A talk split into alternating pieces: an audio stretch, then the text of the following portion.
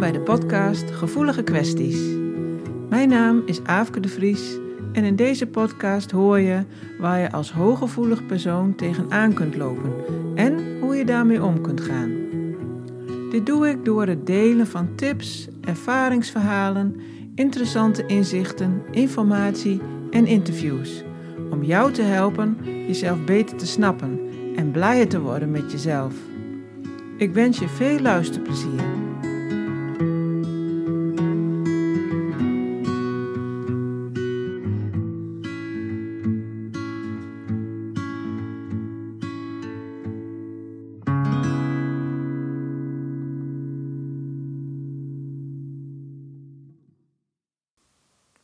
Als je het hebt over hooggevoeligheid, dan gaat het al gauw over waar je dan allemaal last van hebt. Zoals overprikkeling, of spanning, eenzaamheid of vermoeidheid. En het leek me daarom wel eens goed om een aflevering te maken over wat er allemaal mooi kan zijn aan hooggevoeligheid. Want er zijn natuurlijk een heleboel mooie kanten aan. En HSP's hebben vaak hele mooie eigenschappen, waar misschien wel eens wat te weinig aandacht voor is. En dat is ook omdat we als mens uh, meestal geneigd zijn om naar het negatief te trekken, om daar meer aandacht aan te geven. En dat schijnt vanuit ons brein bekeken logisch te zijn, omdat het brein de omgeving continu wil scannen op mogelijk gevaar. Dus om hier nou wat meer tegenwicht aan te geven, uh, gaan we de aandacht bewust verleggen naar de mooie of positieve aspecten van hooggevoeligheid. Nou, om te beginnen heb je meestal een gedetailleerde waarneming en je hebt oog voor details. Je kunt goed observeren en zelf ook heel zorgvuldig of gedetailleerd zijn. Dat herken ik zelf ook en ik geniet er ook heel erg van om zorgvuldig en gedetailleerd te werk te gaan. Voor sommige mensen kan het misschien uh, vervelend zijn of uh, perfectionistisch gedoe. Maar het kan ook gewoon heel mooi zijn en je kunt er hele mooie resultaten mee bereiken. Uh, wat ook hoort bij die gedetailleerde waarneming is dat je vaak goed non-verbale signalen kunt lezen. En dat houdt in uh, wat mensen met hun gezichtsuitdrukking laten zien of met hun lichaamshouding. En daarnaast kun je ook nog eens intens genieten van, van kleine dingen. Maar ook van alles wat je met je zintuigen waarneemt, zoals uh, muziek of kunst, bepaalde zachte stoffen, uh, kleuren, smaken, geuren. Dus alles wat je met je zintuigen waarneemt. Maar ook bijvoorbeeld van de natuur. Het kan eigenlijk van alles zijn. ook juist die kleine dingen die je daarin kunt zien of waarnemen, die vallen jou op. En heel veel andere mensen vallen die helemaal niet op. Een andere eigenschap is empathie. Dat betekent dat je veel inlevingsvermogen kunt hebben. En dat je aan kunt voelen hoe iemand anders zich voelt. Of dat je je daarin in kunt leven. Je kunt je daarin verplaatsen. Je bent dan ook vaak heel zorgzaam. En niet alleen voor andere mensen, maar je hebt ook zorg bijvoorbeeld voor de aarde of de dieren en de natuur. Ik steun bijvoorbeeld ook vooral goede doelen die te maken hebben met natuurbehoud of dierenbescherming. Ehm, je ziet ook eh, de kwetsbaarheid van anderen en die kun je ook vaak goed begrijpen.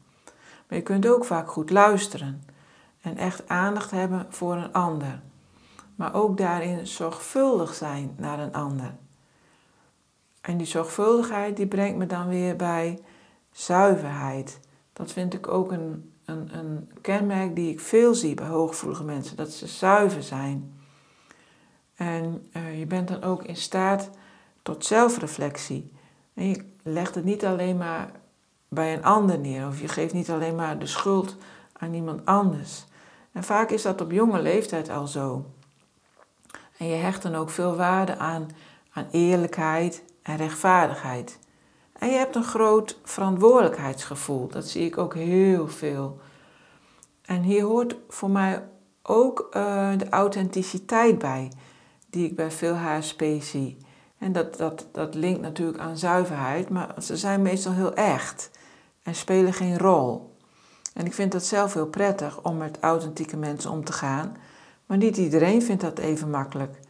Omdat authenticiteit ook wel eens wordt verward met onaangepast zijn of niet zo spontaan of zelfs eigenwijs zijn. En eigenwijs zijn vind ik nou juist weer positief.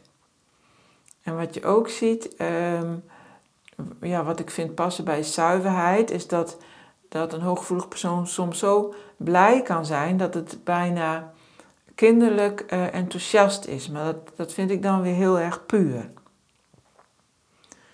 Nou, verder heb je vaak een, uh, op een bepaald gebied een snel brein.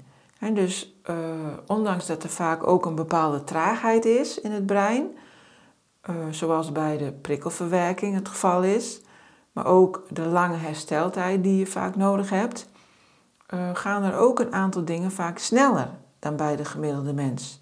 Je kunt bijvoorbeeld snel verbanden zien. En je kunt ook vaak goed vooruitdenken en iemand anders al tien stappen voor zijn. Misschien herken je dat wel. Ik heb het heel vaak gehad op mijn werk. Op zich is het natuurlijk een positieve eigenschap, alleen uh, zou het dan wel fijn zijn als het ook door anderen zo gezien wordt. Anders is het helemaal niet zo leuk om het te hebben. Um, of dat mensen bijvoorbeeld um, in ieder geval nieuwsgierig zijn naar wat je zegt en waarom je dat zegt. Want ik heb regelmatig meegemaakt dat ik onbegrepen aan werd gekeken of dat uh, wat ik zei gewoon van tafel werd geveegd. En een half jaar later kwam dan iemand anders met hetzelfde idee en dan werd het ineens omarmd. Nou, wat ook hoort volgens mij bij dat snelle deel van je brein is dat je hele creatieve ideeën kunt hebben, maar ook snel kunt associëren. dus zomaar ineens overgaan op een ander onderwerp, uh, omdat het er voor jouw gevoel mee te maken heeft. En voordat je het weet, ben je in een heel ander verhaal beland en weet je niet eens meer precies uh, waar het mee begonnen was. Um, diepgang is ook iets wat ik veel tegenkom. Um, dat je van diepgang houdt en diepzinnige vragen stelt. En dat je dus de koetjes en de kalfjes overslaat. En vaak ben je dan ook geïnteresseerd in de psyche van de mens. En kun je daar ook um, ja, uh, veel over vertellen, omdat je erin hebt verdiept. En daarmee kun je dus ook weer inspirerend zijn voor anderen.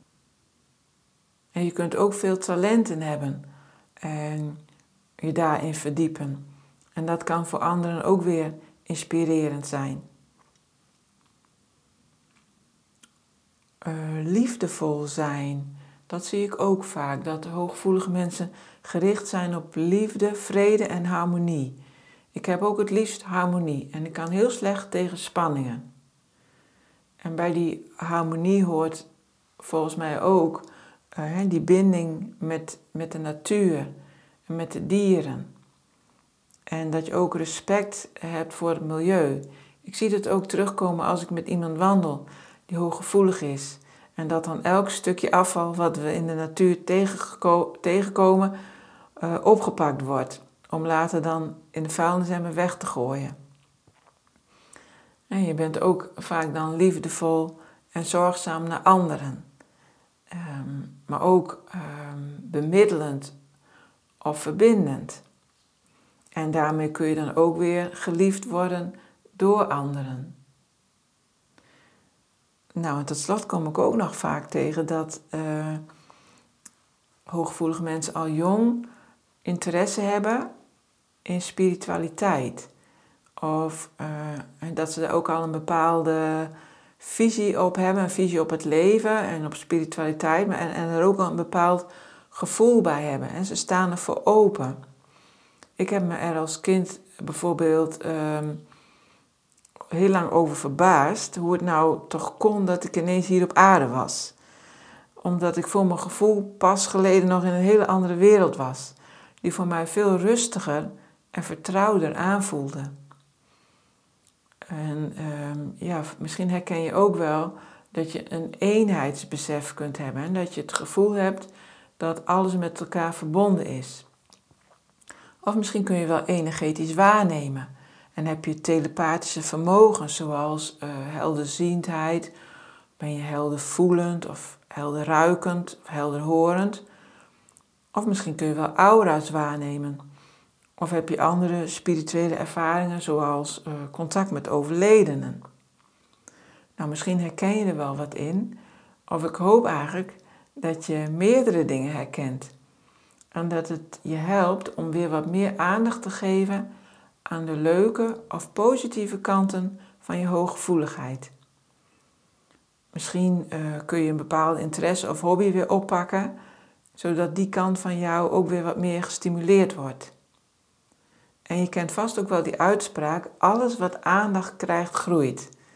Dus kijk maar of het je lukt om die aandacht een beetje te sturen. En die aandacht te geven aan een positieve kant van jou. Heel veel succes en geniet van die mooie kanten van je hooggevoeligheid. Wil je meer weten over jouw hooggevoeligheid en hoe je ermee om kunt gaan? Kijk dan eens op mijn website, waar je als deelnemer toegang kunt krijgen tot alle trainingen, waardoor jij in balans kunt komen en blijven. Ga naar www.dathebiknoualtijd.nl voor meer informatie en om jezelf in te schrijven. Is er een onderwerp waar je graag een podcast over wilt horen? Of ben je benieuwd naar een interview met iemand? Laat het me weten. Ken je iemand die deze podcast interessant zou kunnen vinden? Stuur hem dan gerust door. En als jij dit een waardevolle of leuke podcast vindt, dan zou ik het heel erg waarderen als je een review achterlaat. Bedankt voor het luisteren en tot de volgende keer.